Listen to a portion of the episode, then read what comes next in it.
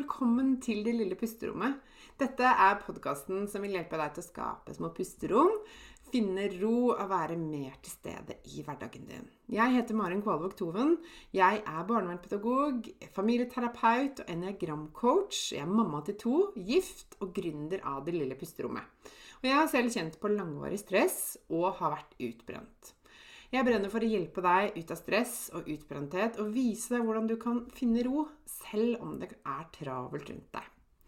Til daglig så hjelper jeg kvinner ut av utbrenthet og stress gjennom online coaching med min egen utarbeidede pusterommetode og ulike online-kurs. Du vil høre meg reklamere for mine tjenester i denne podkasten.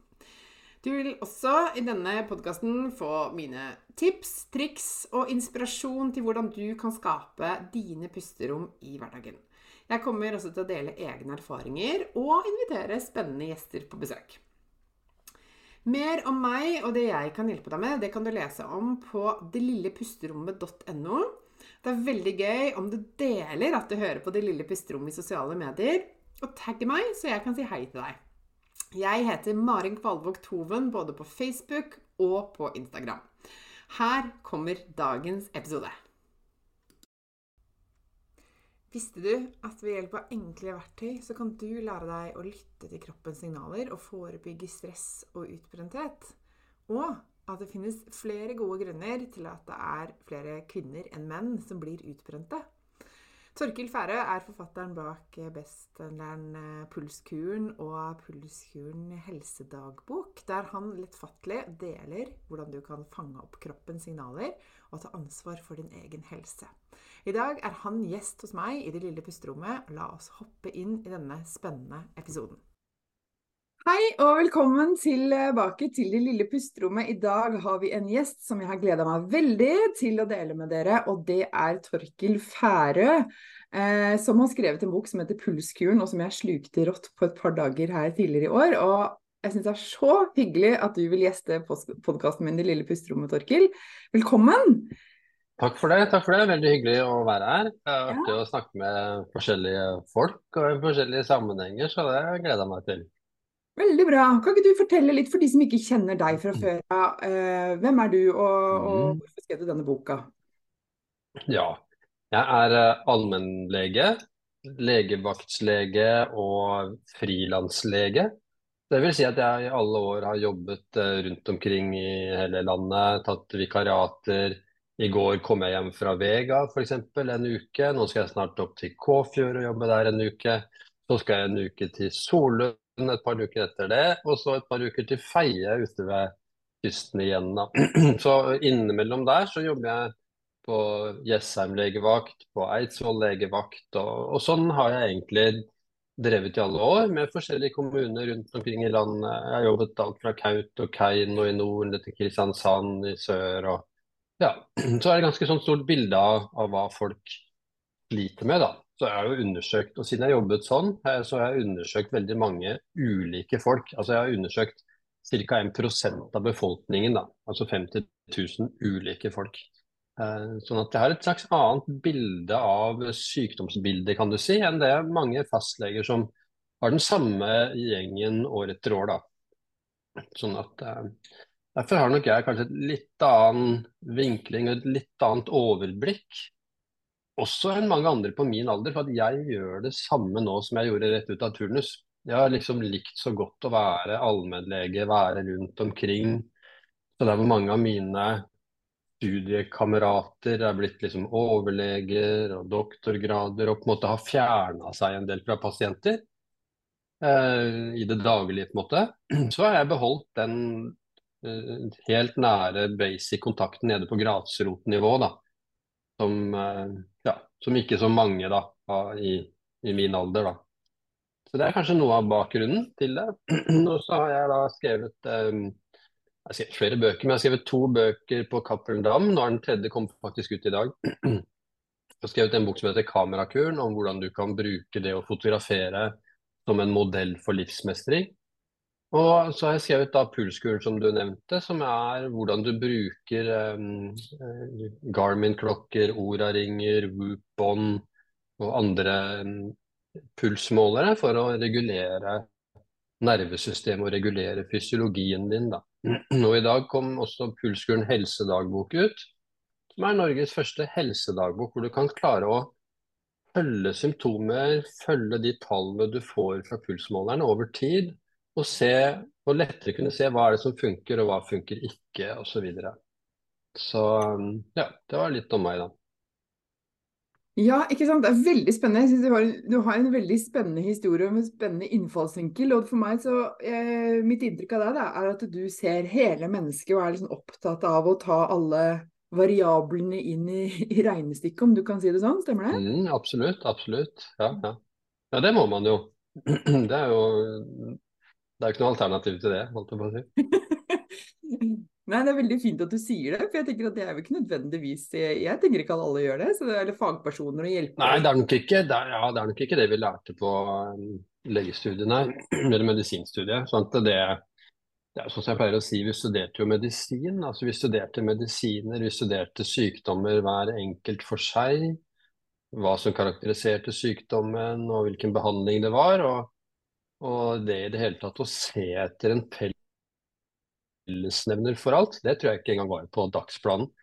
Og det vi ser nå, ikke sant, er jo at fellesnevneren er livsstil, fellesnevneren er kronisk lavgradig betennelse og dårlige mitokondrier og dårlige celler, som så skaper sykdommer i alle kroppens organer. og, og, det var nok noe ikke engang vi så etter. Vi tenkte ikke på det at en person med liksom åtte-ti ulike diagnoser, som ikke er uh, uvanlig når man kommer i 60-70-årene f.eks., at, det, at det kunne ha én rotårsak. Da. Så men, jeg, det er jo nå helt mainstream medisin. Mm. Ja, ikke sant. Det begynner nå å bli litt sånn allmennkjent, ikke sant. Er ikke det interessant? Det har jo utviklet seg ganske mm. mye i årene, mitt inntrykk i hvert fall. Ja. ja. Eh, men kan du si litt hva Når du skrev Pulskuren, da, hvis vi skal ha hovedfokus på den boka og det som den uh, lærer oss, om du kan si det sånn. Uh, Mm. Hva, hva, ønsket du uh, å oppnå med å skrive den boka? I prinsippet så var det litt tilfeldig, for at jeg brukte disse månedene bare for egen del. For at jeg skulle bli bedre. Eller jeg, jeg var ikke syk heller, men jeg, jeg, skjønte at det å få bedre kontroll over nervesystemet ga deg mer overskudd, gjorde deg Altså du hadde mer krefter, du ble ikke så sliten osv. Og, så via litt en tilfeldighet så så min redaktør i Cappelen Dam at jeg holdt på med dette her. Og så, og så spurte hun meg på Messenger at uh, hun så et bilde jeg la ut. Uh, er dette en bok for oss? Og, og, da sa jeg at ja, det er det jo. Det er jo selvfølgelig en stor fordel at, at flere enn meg får vite at dette er superlurt å drive med. Så, og Dermed kom boka til. da. Så Den var liksom ikke drevet i utgangspunktet at jeg ville fortelle hele verden om dette her. Og nå, og nå er jo faktisk boka kjøpt opp av et engelsk forlag eh, som skal gi ut boka allerede i januar i England, Irland, Australia og utover våren også i USA. Så, så dette baller jo voldsomt på seg, for det er jo klart at dette er verdens første bok om hvordan du bruker disse instrumentene på en praktisk måte, altså som viser deg hva du skal gjøre i praksis.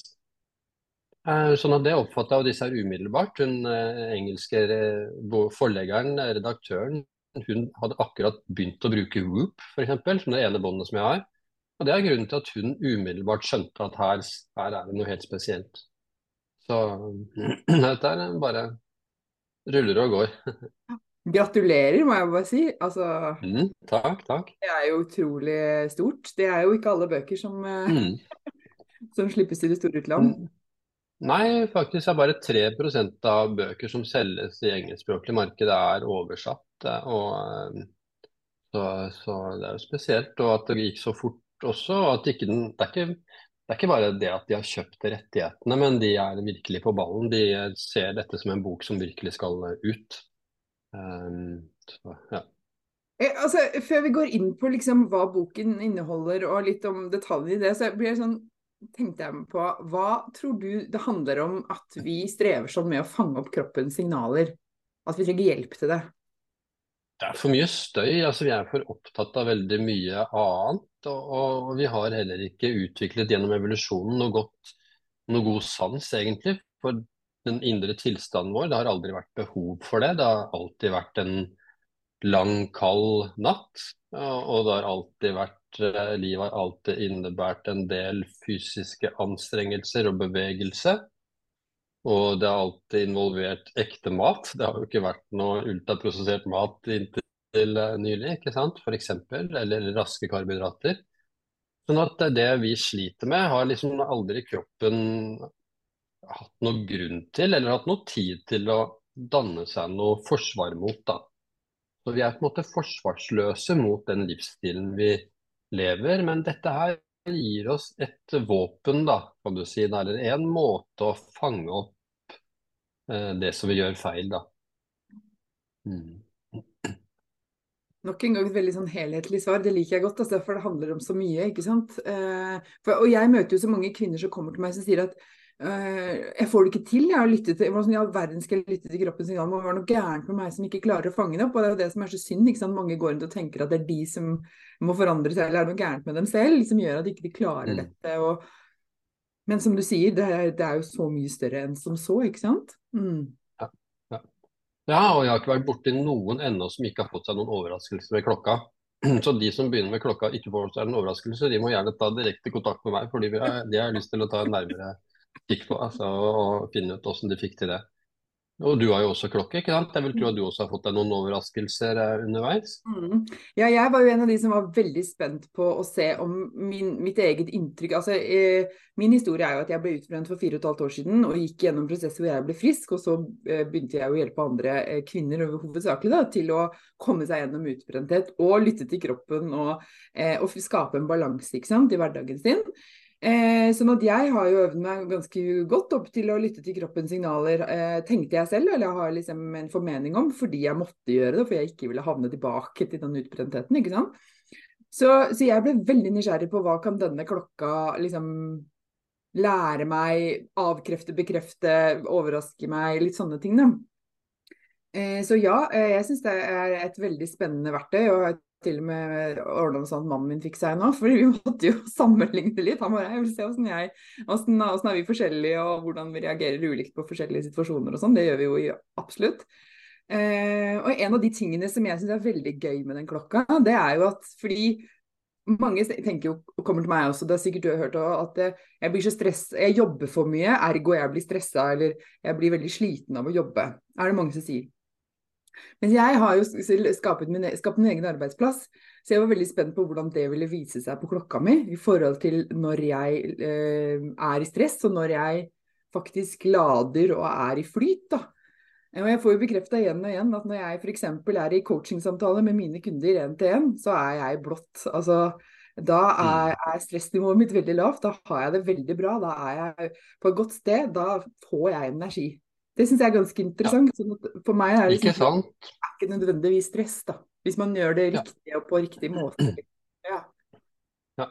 ja og det er det samme for meg. At uh, når, uh, når jeg er roligst, det er når jeg er på, på jobb i distrikt, sånn som på, på Vega og rundt omkring. sånn at og Det betyr jo at det som jeg kanskje tenkte var strevsomt, at jeg må ikke ha så mange sånne uker gjennom året og sånt, fordi at det er jobb. ikke sant? Man tenker jobb er lik stress så ser jeg nå at jeg må faktisk legge inn flere sånne uker. For det er da jeg har det roligst. Og, og, eh, og det er det mange andre som har opplevd også, at, at uh, arbeidssituasjonen den var ganske rolig. Og det er litt betryggende og gjør også at de kan jobbe med bedre samvittighet i forhold til før, når de kanskje tenkte at dette her var noe de skulle begrense eller minst mulig av. da så kan det jo kanskje vise også Jeg sier at man mistrives på jobben da, ikke sant. Kanskje det til og med viser det at en annen person kanskje har en jobb som ellers er lik som din, bare at ikke de trives og ikke koser seg på en måte med det de gjør. Og, og kan få det avslørt litt der, da. Ikke sant. Ja, det det, og det er jo jeg veldig opptatt av ellers også. Jeg snakker jo en del om det i podkasten min også, at, det, at, vi er så forskjellige. Og jeg tror noe av problemet, eller noe av grunnen til at mange møter veggen og blir så syke, er fordi de lever på en måte de tror de skal leve. Eller de, de hermer etter andre, eller gjør det de andre, som andre forventer av det, eller de tror andre forventer, ikke sant. Og så, og så er de liksom ikke helt i kontakt med seg selv, da. Og kroppen sin, og, mm. og personligheten sin, og alt dette her, da, ikke sant.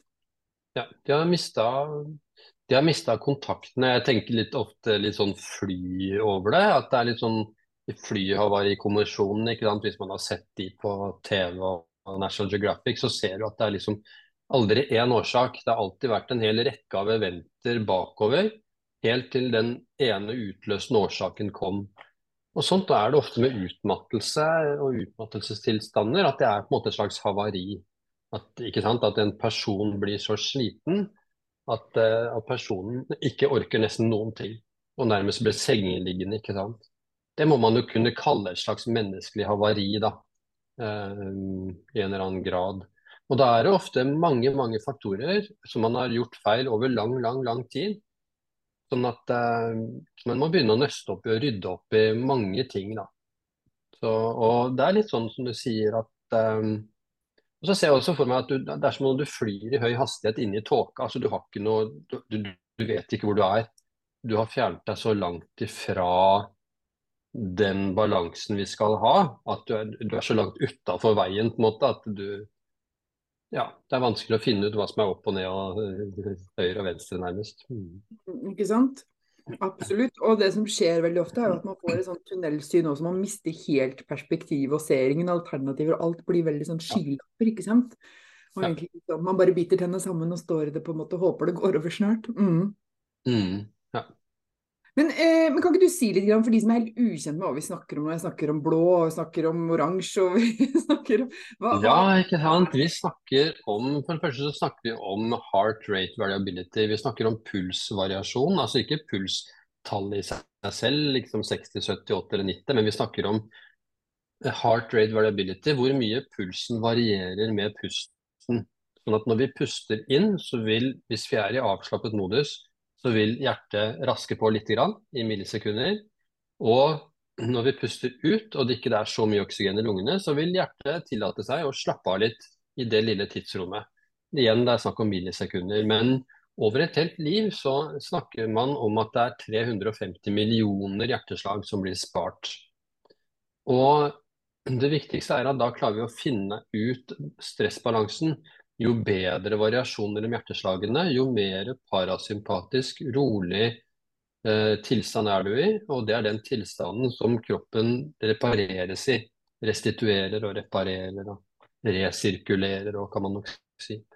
Og så har du da stressituasjonen, hvor hjertet slår helt likt. For at jeg tenker at her må vi bruke alle krefter eh, for å overleve. liksom Helsa vår står på spill, overlevelse står på spill. og vi kan ikke tillate oss å slappe av på utpust. Og Dermed så har du et sånt spenn da, mellom total ro, som du klarer å oppnå, på en måte, og maks belastning. da. Og så gjelder det å finne denne balansen i det. At du er nok. Du skal stresse. Du skal stresse en del i løpet av dagen også. Helt fint, vi er laget for det. Vi er ikke laget som sånne dovendyr, vi. Eh, men vi må være tilstrekkelig med tid i restitusjonsmoduset, da. Og det er der det ofte skorter. og Jeg er litt forkjøla. Og, det det ofte skorter på, er som sagt restitusjonsmoduset, eh, fordi at vi er opptatt hele tiden av uh, ulike ting. Da. Og det restitusjonsmoduset på Garmin-klokkene, som vi snakker om her hovedsakelig, eh, det er blått eh, tall, eller en blå kurve. Og jo mer stress, jo mer oransje og opp nesten mot rødt vil det bli. da. Så, så, det er det vi snakker om da. Blått er rolig, parasympatisk, og, og oransje er, er, sympatisk stressmodus. Ja, og så, så, sier du også at vi skal stresse noe. Kan du si hva slags stress er det vi trenger egentlig? Eh... Vi er jo lagd for å mobilisere krefter, for å flykte fra trusler og for å jakte på mat og det vi trenger. Sånn at Eh, de, og på et eller annet tidspunkt i verdenshistorien så leste jeg at det bare var 1280 genmateriale. Så har jeg gått tilbake og sett at på et tidspunkt så fantes det 1280 forløpere til mennesker. Det er vel kanskje 900 000 år siden. Som, eh, som og klart at Dette var jo folk som klarte å mobilisere krefter. Det, og, og, jakte og slåss og, og prestere over lang tid. Da, ikke sant? Sånn at uh, det er jo Altså hadde vi ikke hatt uh, muligheten for å stresse, er superviktig for overlevelsen vår. Og, hvis, og vi, de som ikke stresser noen ting, de blir jo bare svake. De blir svake mentalt, og de blir svake fysisk og, og på alle måter. Altså hvis, du, hvis, du, bare ligger på sofaen på en måte og, og, og, ikke gjør noe som er vanskelig, og ikke gjør noe som du blir sliten av, da blir det jo enda dårligere. Det er jo nesten enda, de pasientene er jo nesten enda dårligere enn de som stresser seg ut. altså Det som man kan kalle 'rushing woman syndrome', da, som du egentlig refererer til. altså utslitte, utmattede damer det er jo ja, Av 25 pasienter på legekontoret, så vil jeg hvert fall, er det i hvert fall fem av dem. Ikke sant? Uh, og sjelden at det er menn. Uh, det, er, det, er, nok kanskje en gang i måneden i forhold. Altså et stort misforhold mellom utmattede, slitne menn og utmattede, slitne kvinner. Det er, det, jeg vil nesten si det er et 100 til 1-forhold. I hvert fall 9 til et eller annet sted mellom 9 til 1 og 99 til 1. Da. Jeg vet ikke om det er ditt inntrykk også? Ja, men det er spennende. Kan ikke du, altså, har du gjort deg noen tanker om hva det handler om? Ja da, absolutt. Ja, da. Det, har med, det har nok med Kvinner har hatt en annen rolle gjennom evolusjonen. Altså, det har vært, de har måttet være mer bekymret, mer samvittighetsfulle, mer perfeksjonistiske. Eh, menn har ikke måttet gjøre det. De skal ut og jakte. De har ikke tenkt å være så samvittighetsfulle. Du kan liksom ikke slå i hjel en i nabostammen og begynne å angre deg etterpå, på en måte. Ikke sant? Og stakkars kona hans og, og sånt, og åssen går det med dem? ikke sant? De var jo heller opptatt med å, å, å voldta kona, ikke sant. Eh, og, og, mens damene har jo hatt denne hjemmefunksjonen i en mye mer kompleks sosial setting, eh, hvor barnas overlevelse har vært avhengig av hvor samvittighetsfulle de var, hvor perfeksjonistiske de var å finne riktig mat, eh, som ikke var giftig osv. Og, og, og hvor bekymret de var for barna sine hvis, hvis alt ikke var riktig. da. Og, og, ansvaret for det sosiale. så det at En, en kvinne for eksempel, Du har sikkert hørt ofte at en kvinne føler at de har ansvar for at, at det sosiale i gjengen alltid er bra. Har du hørt en mann si noe sånt noen gang? Ja, har du hørt det? Si nei, kanskje ikke? Nei, har... nei aldri, hørt det. Det ikke, vil, ikke, vil ikke skjedd, da. Um, og, og, dårlig samvittighet også er også en sånn som, som, kvinner ofte har uten at Og hvis man spør hvorfor det dårlig samvittighet, så, så, så har, de, har, de, ikke grunn til å ha den dårlige samvittigheten. Men hvis en mann har dårlig samvittighet, så er det som regel Jo, da skjønner jeg godt at du har dårlig samvittighet for det, på en måte. Ikke sant? Det ville sikkert jeg også hatt. Ikke sant? Så det er en del faktorer der som, som, som, som, gjør, som nok ligger iboende i kvinners eh, biologi, som, som menn ikke har. da. Menn slenger, slenger beina på bordet, og, og, og, så er de ferdig med dagen. Ikke sant? Mens eh, damene tar ofte med seg den dagen videre inn i kvelden og, og natta da, i en helt annen grad. da. Altså Det er jo variasjoner, selvfølgelig, men, men det er et ganske tydelig bilde. da. Ja, veldig. Det, jeg, det, du maler et bilde her som jeg bare ser så tydelig for meg hvordan dette har blitt med videre. I tillegg til at kvinner også skal gjøre det menn gjør i veldig stor grad nå. ikke sant? Du skal ut og jobbe og få oss mm. utdannelse og karriere og gjøre den biten i tillegg. Og så, mm. så legger man ja. lag på toppen der, hvor vi, som vi kaller liksom den digitale og sosiale mediene, med, hvor vi skal vise hele verden hva vi får til i tillegg. ikke, sant? ikke sant? Og gutta, og gutta slapper jo enda mer av. For nå trenger jo ikke de nå er jo ikke alt, altså Før så var jo hele familien var jo avhengig av hvilken grad mannen jobba. Hvor mye jobbet de, hvor mye penger tjente de. ikke at Alt ansvaret lå på skuldrene til mannen, og nå er jo det ansvaret betydelig fordelt. Så nå kan jo mannen slappe enda mer av. Ikke sant? Ehm, sånn at um, nå, er ikke, nå er ikke det presset der lenger heller. Eh, sånn at um, ja. Det er ikke rart, altså. Det, jeg syns ikke det er rart i det hele tatt. Det så, det, er så, fint at du sier det, og det er veldig fint at det kommer fra en mann også. ikke sant? Det bare det, setter to streker under det svaret, tenker jeg. Ennå mange kvinner som trenger å høre dette her, så kjempebra. Um, så, så, hvordan mener du, nå har det snakket litt om HRV, litt om det oransje og det blå, det gode stresset, eller det stresset vi trenger, kontra det at vi ikke kan være det hele tiden. Um, mm.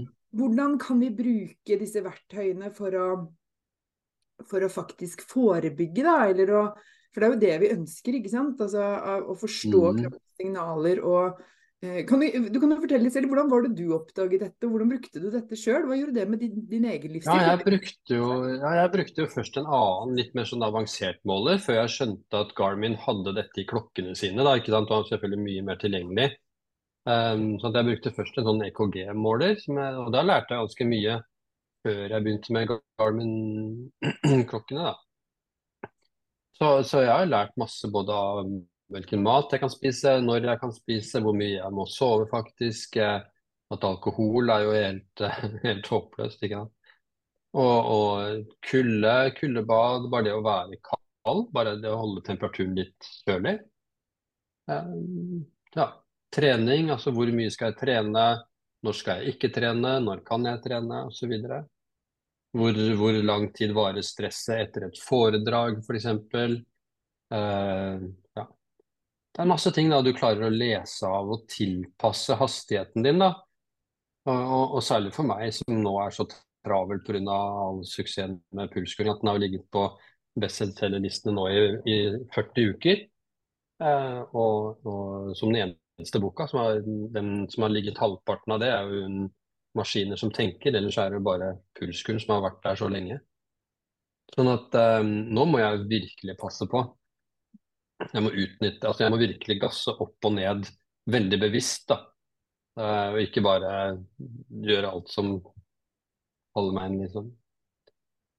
Så, så jeg har brukt det veldig aktivt. Uh, Og måten du bruker det på, da, det er jo at du i løpet av natta ikke sant, så har du fått et svar på body battery, da, igjen tilbake til Garmin. Så har du en body battery på en eller annen verdi, og så kan du da ta hensyn til det når du planlegger den dagen. Har du en god treningsevne f.eks., vil du få svar på det, ok, men da kan jeg legge inn en treningsøkt. ikke sant? Hvis body battery i stedet er lavt, så kanskje ok, men da tar jeg ikke en treningsøkt, men da tar jeg heller og kanskje en yoga eller en pustøvelse, eller kanskje jeg tar en ekstra lang kald dusj, eller et kaldt bad, eller hva som helst, og i hvert fall ikke en øl, liksom. Men sånn kan man regulere dagene, da. Sånn det, det som gjelder, og som er bakgrunnen i Pulskuren helsedagbok, det er det å ta kontroll over dagen.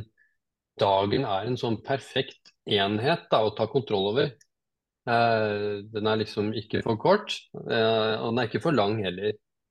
Eh, sånn at det å, å, å styre dagen eh, og ta kontroll over den, ellers så tar dagen kontroll over deg.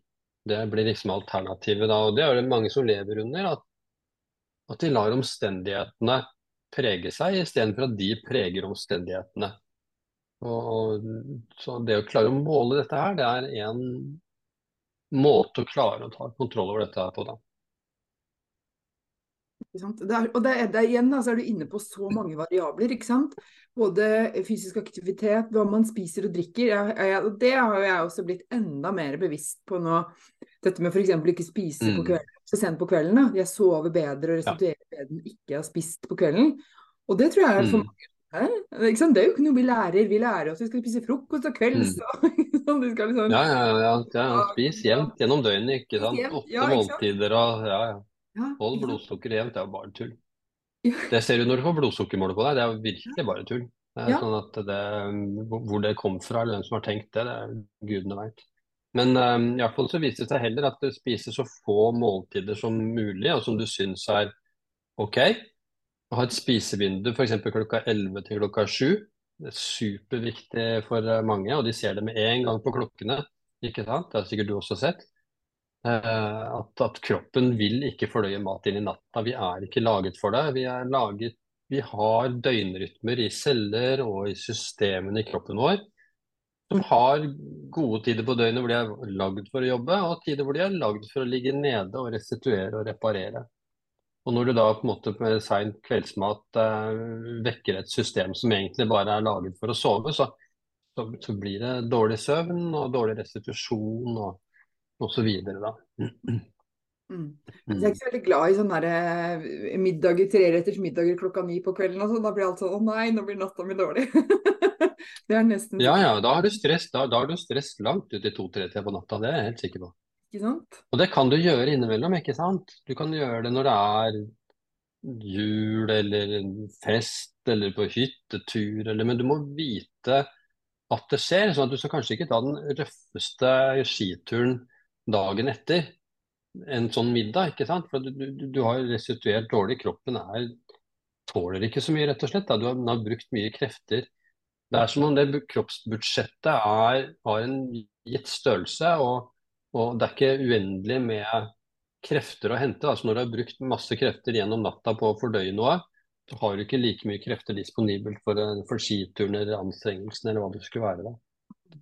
Så, og så er det så interessant hvordan det røsker litt opp i Du var inne på dette med måltider, men også liksom hva man kan gjøre når, da. Fordi vi er jo veldig opplært i dette landet her å starte dagen med to brødskiver og et glass melk, ikke sant. Vi skal det er dagens måltid.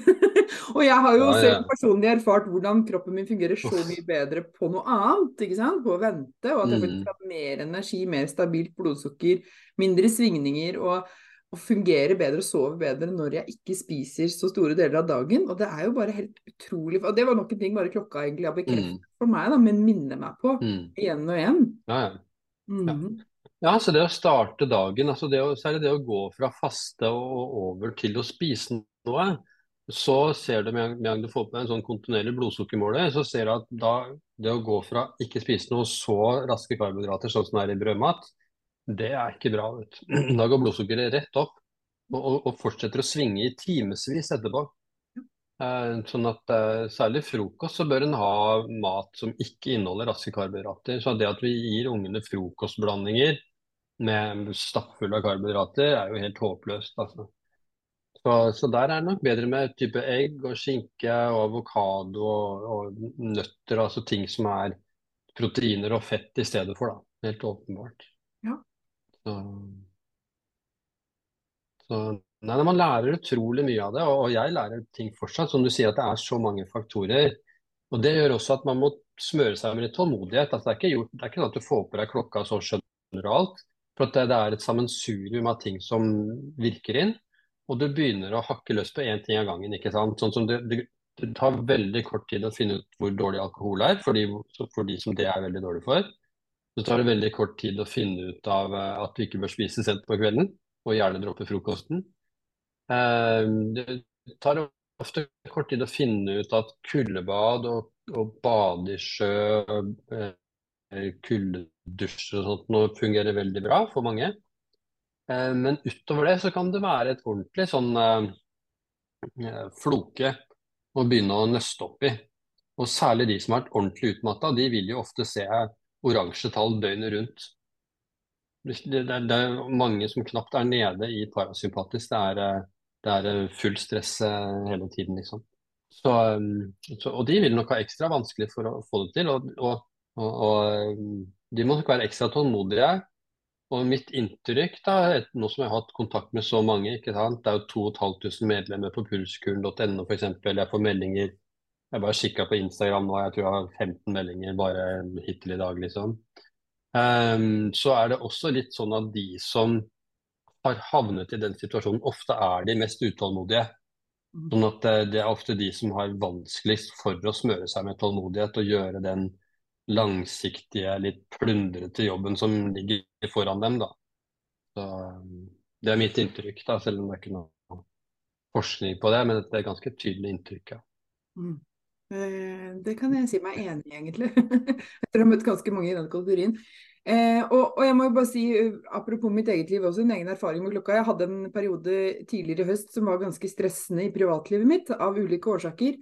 Det var helt åpenbart på klokka, for jeg pleier å være ganske mye blått i løpet av en dag. Jeg har en ganske god balanse, syns jeg. altså Jeg har på en måte Eh, jeg, lærer, nei, lever som jeg lærer, da, kan du si. Men, eh, men, da var jeg mm. mye i oransje, og det var utrolig. Det kjente jeg veldig godt på kroppen også, og det bekrefta klokka til gangs. Da, og da merket jeg jo at hvis jeg da prøvde meg på en treningsøkt, så ble det bare verre, ikke sant. Eh, ikke sant. Sånn at det der er utrolig fascinerende hvordan liksom bare man kan rett og slett lese det av hvis man ikke klarer å fange opp signalene. Nå fanget jeg opp signalene i tillegg, men det bekrefter jo bare det kroppen sier, da. Mm. Og, og, og ved eksempel, å- altså jeg snakker jo mye om å hvile forebyggende og hvile før du blir sliten også. og Bare fem minutter med meditasjon for eksempel, kan utgjøre en stor forskjell. Og det ser jeg tydelig på klokka, Mm. at bodybatteriet mitt Ja. går opp når jeg gjør det. Mm. Eller Ja, eh, ja. yoga eller andre Mm. anspenning, Altså pusting, som du sier. Bare det å sette seg ned og ta noen bevisste, dype pust kan få meg helt ned i hvile. da. Veldig, veldig lavt Mm. og blått. Ja. Mm. Absolutt. De der små tingene underveis gjennom dagen er også superviktige. sånn at eh, Man må ikke liksom ha 20 minutter med pusteøvelser. To minutter fem ganger i løpet av en dag også, ikke alt innimellom, men det kan være superviktig. Og, og om så bare tre dype drag, liksom, her og der. Sånn at eh, Superviktig. Disse små tingene da, som man er lett for å overse. da. Små, små smarte ting da, som, eh, som gjør hele forskjellen da, i det lange løpet. da. Så, men det er interessant det er forskjellen på, på mannen din og deg. Hva, hva, hva dere merka? Var dere noen eksempler? Ja, altså, vi er jo litt ulikt skrudd sammen, sånn at jeg er jo en litt mer sånn sensitiv type, som blir mer påvirka av hva jeg spiser og, og dårlig søvn og, og sånn, og det får vi vel bare bekrefta, egentlig. Eh, så jeg trenger mer hvile og mer, mer restitusjon og mer ro enn hva han gjør. Han har generelt et høyere energinivå enn meg. Så det har vi vel fått bekrefta. Eh, og at han sover, eh, sovner fortere og lettere, ikke sant. Og som veldig mange menn, våkner ikke så lett Som veldig mange barn, menn. eller- Ja, ja, ja. Mm. ja da, det er typisk det at det er typisk den kjønnsfordelingen der er veldig typisk. At, at kvinner kan fortelle at mannen er sånn, akkurat sånn som du beskriver der. Så det, Ja, det er nok av av de jeg hører om som er eh, hvor begge parene har det, så er, er dette er det typiske. Ja. Og så er det jo også jeg tenker noe vi må innom, siden vi, jeg snakker jo mest med kvinner, ikke sant? det er jo at vi har en helt annen syklus enn menn også. Så hormonene våre vil jo Mm. påvirke energinivået vårt i løpet av en syklus. Massevis. Massevis. Ja, ja, ja. Ja, Det er helt tydelig. Det er, også, det er selvfølgelig også noe som veldig mange med klokkene eh, merker, at eh, uka før menstruasjon, det er eh, Man er ikke bare i litt sånn ustabilt humør, men det er en belastning. Det er en fysiologisk belastning på kroppen da, som, som kommer nok delvis av progesteron eh, som hormon, som eh, virker litt sånn. og eh, nok kommer at det er en del arbeid som skal legges inn i å gjøre alt klart for et uh, nytt liv hver, gang hver fjerde uke, liksom. Sånn at det er nok et uh, fysiologisk arbeid som, hvor en del krefter må kanaliseres dit av de som er disponible. Og da blir det, bør man da trene annerledes, ikke sant. Man så jo kvinnelandslaget i fotball, ikke sant. Hadde Ora-ringer osv. Så videre.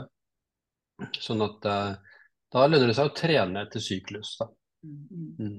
Ja, det er Og anstrenge seg etter syklus.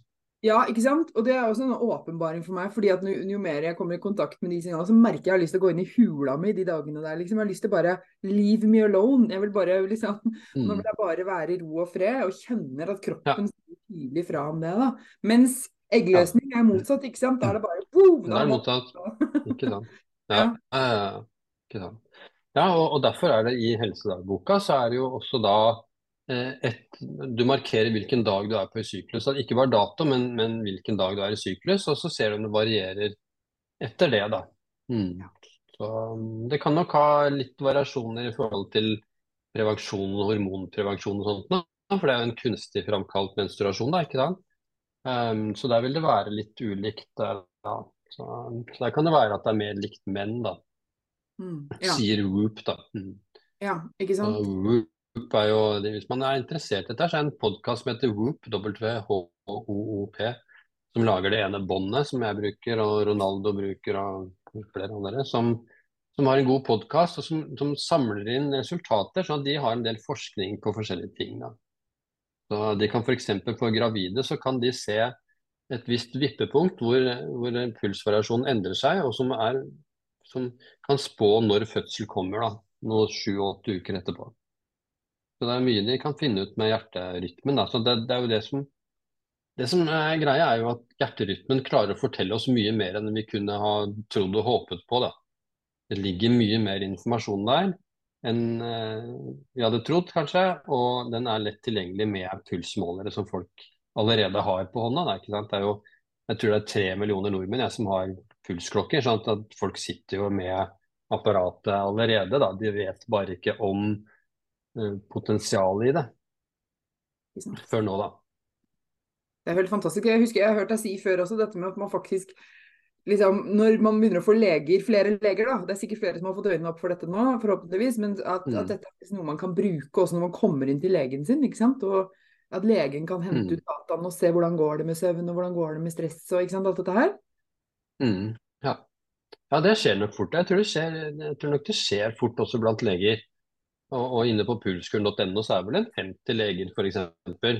Sånn at eh, absolutt, og særlig blant den yngre generasjonen leger, da. Disse, de i min generasjon har jeg vel nesten inntrykk av at de ikke engang hører på podkast og, og, eh, oppdaterer seg, så de har vel ikke fått det med seg, liksom. Men, men eh, leger fra 40 år og yngre, de er, de er nok mer oppdatert og har fått med seg at det egentlig har vært en svær snuoperasjon i helsevesenet fra fra at, at helsevesenet har kontroll over helsa di, til at du selv har kontroll over helsa di. Uh, altså fra, fra behandling sånn, eh, og diagnostikk og over til forebygging. Da. Så, og noe alternativ er ikke der, for at, det, for at det er så mange som blir syke, og det kommer til å, å bli legemangel og sykepleiermangel og pleiemangel, sånn at de er nødt til å snu. Så det, Mm. Mm. det er nødt til. Mm. Jeg har ett spørsmål som jeg må stille deg, for jeg lovte han jeg lurte han på også.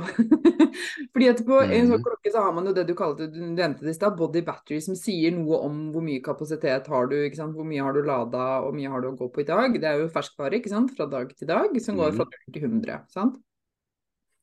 Men hvordan kan man, eh, når man føler seg stuptrøtt, har sovet altfor lite og bare kjenner at man er sliten i marg og bein, ha et høyt body battery?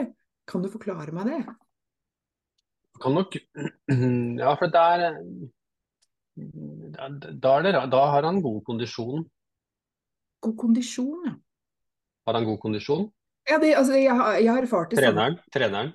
Um, han har fysisk tungt arbeid på jobben. Mm, ja, ja, men, så, så det, eh, for det kan hende at noen, noen har så god kondisjon at de er veldig robuste overfor også å være slitne, da. Så det, det hender at de kan ha godt body battery, for at kroppen har restituert seg godt fysiologisk sett. Altså den har fått nok tid, den har gode nok mitokondrier, gode nok celler til å jobbe veldig effektivt og, og tåle mye. Og så kan man jo likevel føle seg sliten, ikke sant. For at det dette apparatet måler, er egentlig dyret i oss, kan du si. Hvis man sier litt grovt på det, at det er eh, den delen av hjernen som eh, er det Jeg kaller det også det levende fossilet vårt. Eh, Hjernestammen, pattedyrhjernen, som er grunnlaget i hjernen vår. Det er det dette systemet her går liksom rett inn i. Mens du kan likevel være sliten mentalt, da. Du kan være litt sånn pumpa etter en samtale med svigermor, eller, eller at det har vært mye. Du kan, du kan eh, ja, føle at i, i pannelappen, på en måte, der hvor tankene er, da, så, så kan du være sliten, mens kroppen fysiologisk sett er restituert, da. Så, så, så det kan nok være en årsak til det, da. For som regel, så, men som regel, jeg tror de aller fleste dagene, så, så stemmer den godt overens, tenker jeg. mm. Så, Ja, det er et veldig fascinerende måleinstrument at det, at det går an, egentlig. At det er mulig, da. Men det er som du Mm, sier, og mm. det er jo ganske ny kunnskap, dette. Så det er jo noe som ikke har vært eh, eh, ja, kjent så veldig lenge. Så det, det, det vil, vi Mm. vil jo sikkert, som du sier, lære nye ting hele tiden.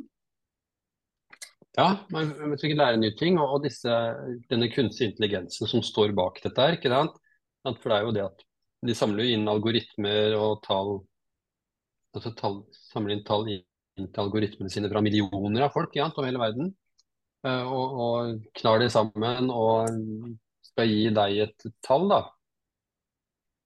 Så, og de vil jo sikkert bli smartere og smartere, de eh, funksjonene òg, ikke sant? Samtidig som det nok også finnes Altså, man må også bruke pleier jeg å si, at man må bruke vår, må vår intelligens i tillegg til klokkas intelligens. Så klokka må bruke pulsen og ditt bevegelsesmønster for å gjøre sitt beste estimat på hva er det som skjer her. og så vet du kanskje andre ting som klokka ikke vet. ikke sant? Og så må du koble det sammen. da. Sånn at Det er jo ikke sånn for at Hvis man føler seg veldig sliten og utmøtt en dag, og så sier klokka 100 at du da skal tenke ja, men da er det klokka som er rett. ikke sant? Men man er nødt til å, å, å se sammenhengene og, og, og, koble vår intelligens og klokkas intelligens sammen. på en måte da. Mm, mm. Ja, så vil jeg jo si også at, at, klokka har en Det er jo en eh, liten dopamingevinst, eller hva man skal si, hvis man ser at man har gjort noe bra, da, gåseøyne, hvis man har hvilt eller liksom, får inn noe blått i løpet av arbeidsdagen. Altså, det gir oss jo mm. litt sånn Gjør det ikke det? Litt absolutt. absolutt. Ja, når du ser at nå ser vi sånn som kalde dusjer og sånt, og ikke annet. Uh, det er klart Du har ikke lyst til å ta en iskald dusj, men når du ser sant, det, hvor utrolig effekt det kan ha, Eh, så, så, blir du motivert til det. Og mange sant, som snuser f.eks., så, så ser de på klokka at pulsen min, hvilepulsen, går ned fra 70 til 60. ikke sant? Plutselig så får de mye mer krefter som de fra før har sølt bort på snus, liksom. Eh, Istedenfor å ha overskudd til ungene sine. Det er jo det, er jo det, det sånne ting som gjelder. Da er jo det motiverende. ikke sant? Og så er det ikke minst moro. da. Jeg tror mange som undervurderer hvor hvor morsomt det er, på en måte. Eh, det er jo som, det er jo som en gamification av, eh, av, deg selv, da. Ikke sant? Hvor du istedenfor at du spiller et dataspill, så er, du, er det deg og, og, og, kroppen din og livet ditt som, som er eh, spillet, liksom. Mm, mm. Ja, ikke sant. Ja, det... Det, er ikke så morsomt, det er jo kanskje ikke så morsomt når det bare er røde tall og du syns du taper hele veien. Men samtidig så er det en realitetsorientering, da.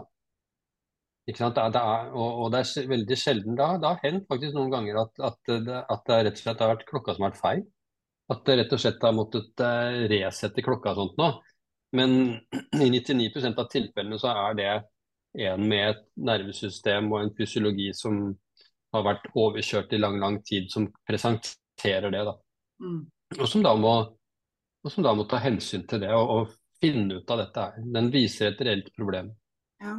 ja, fordi det som skjer altså med utbrenthet også, som jeg har erfart i mitt eget liv, og som jeg ser hos eh, ja, så å si samtlige jeg møter, er jo at kroppen må klare man må, må, lære seg å hvile på nytt. Fordi at man klarer ikke å hvile. Ikke? Så det å si til en utbrent gå hjem og slappe av, det er jo helt umulig når man er i, i liksom fight or flight eh, mer eller mindre hele tiden.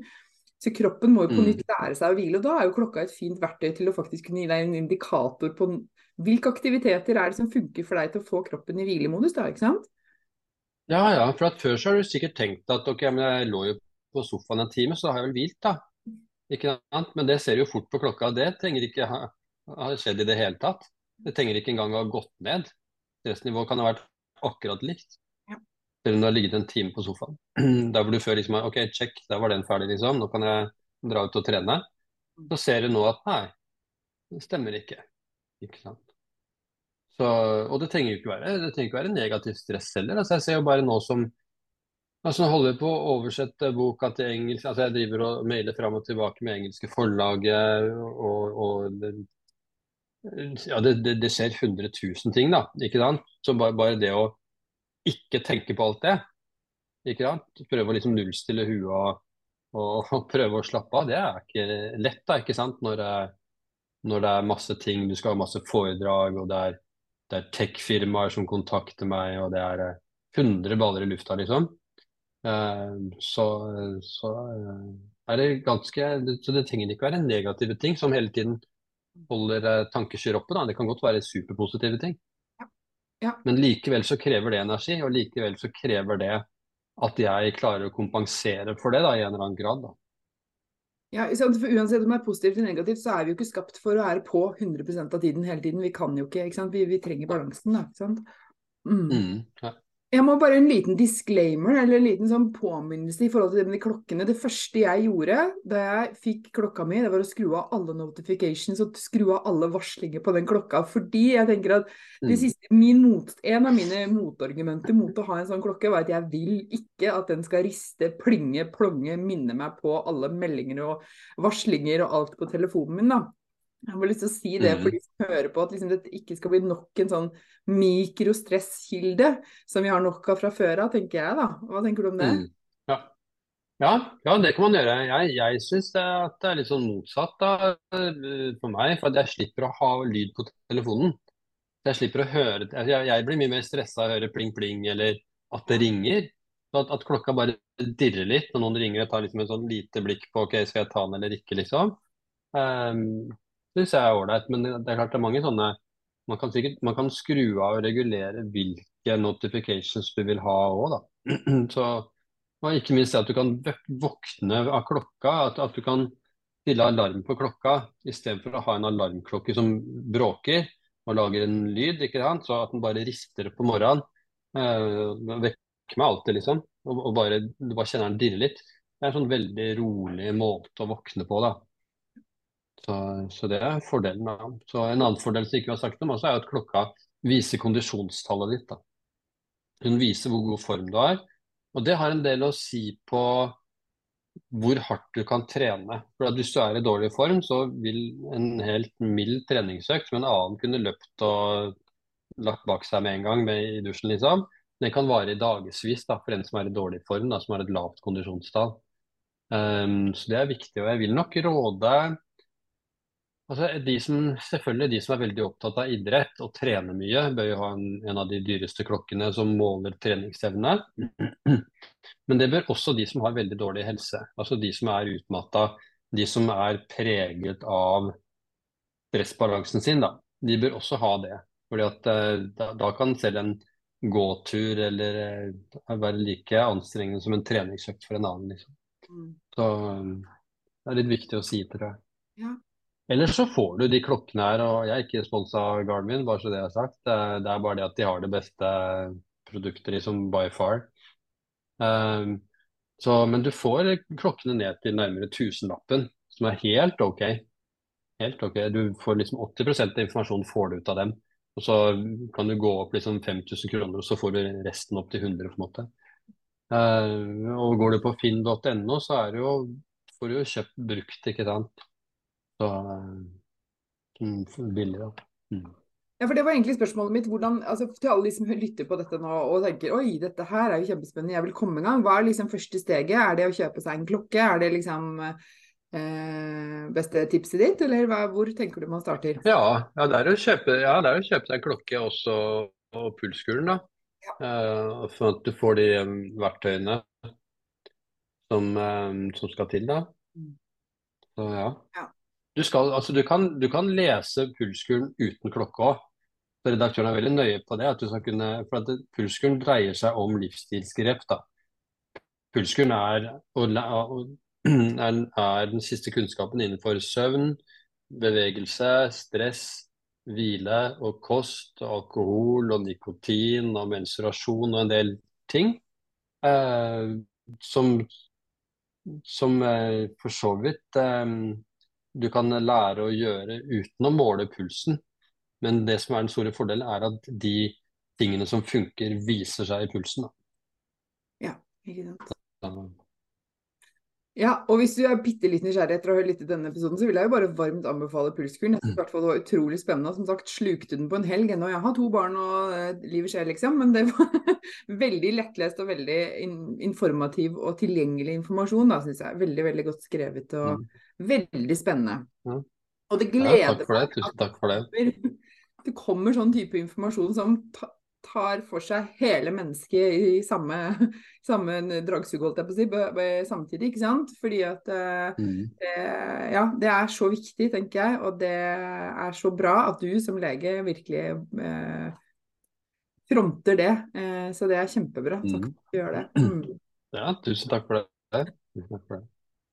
Ja, er det noe vi ikke har snakket om, Torkil, som du tenker at eh, mine lyttere trenger å høre før vi runder av? Jeg tror ikke det. Jeg har vært gjennom ganske mye. Så, men hvis de vil lære mer, i hvert fall, så er jeg på Instagram Dr. Torkil, og på Facebook Dr. Torkil for de som ikke er på Instagram. Og så på pulskuren.no. de, Der er det masse å lære. Der har vi workshoper, og vi har, um, vi har kurs, vi har uh, vi har noe som heter Arilds helsereise, som er han som er driftssjef, da, som jobber i Australia. Eh, hvor han begynte med klokka nå i sommer. Og, og så, så, har vi sånne Zoom-samtaler akkurat som vi har nå, og han viser da kan du se på klokka, sånn at du kan se hva han finner. da. Kan, han kan dele mobilskjermen, sånn at vi går inn på Garmin-appen og, og, rett og slett diskutere tallene og målingene fra siste uka. liksom. Sånn at, og, og da er det nok mye å lære av hvordan det som jeg har snakket om nå, og man ser hvordan man gjør, jeg gjør det òg, da. Sant. Veldig spennende. Jeg tenker jeg kan legge linker til eh, det du nevner her under denne episoden, så folk kan bare klikke seg mm. inn og, og bli med. Mm. Veldig veldig hyggelig at du hadde lyst til å være gjest på Det lille pusterommet, Torkil. Jeg vet du er en travel og mm. populær mm. mann, så jeg setter veldig pris på at du tok deg tiden. Og takk for at du deler av din kunnskap. Gleder meg til å følge deg framover. Mm, takk for at jeg fikk komme. Alt det spennende som skjer. Så tusen, tusen takk. Mm, takk til. Takk. takk. Vi sier ha det bra. ha det bra. Dette var dagens episode. Jeg håper du likte den. Og hvis du gjorde det, så del gjerne i sosiale medier og tagg meg med Mari, at Maren Kvalvåg Toven, så kan jeg si hei til deg. Jeg blir så glad for sånne meldinger. Og følg meg gjerne også på Facebook og på Instagram. Du finner meg som Maren Kvalvåg Toven begge steder. Jeg ønsker deg en fin dag videre, og så snakkes vi igjen snart.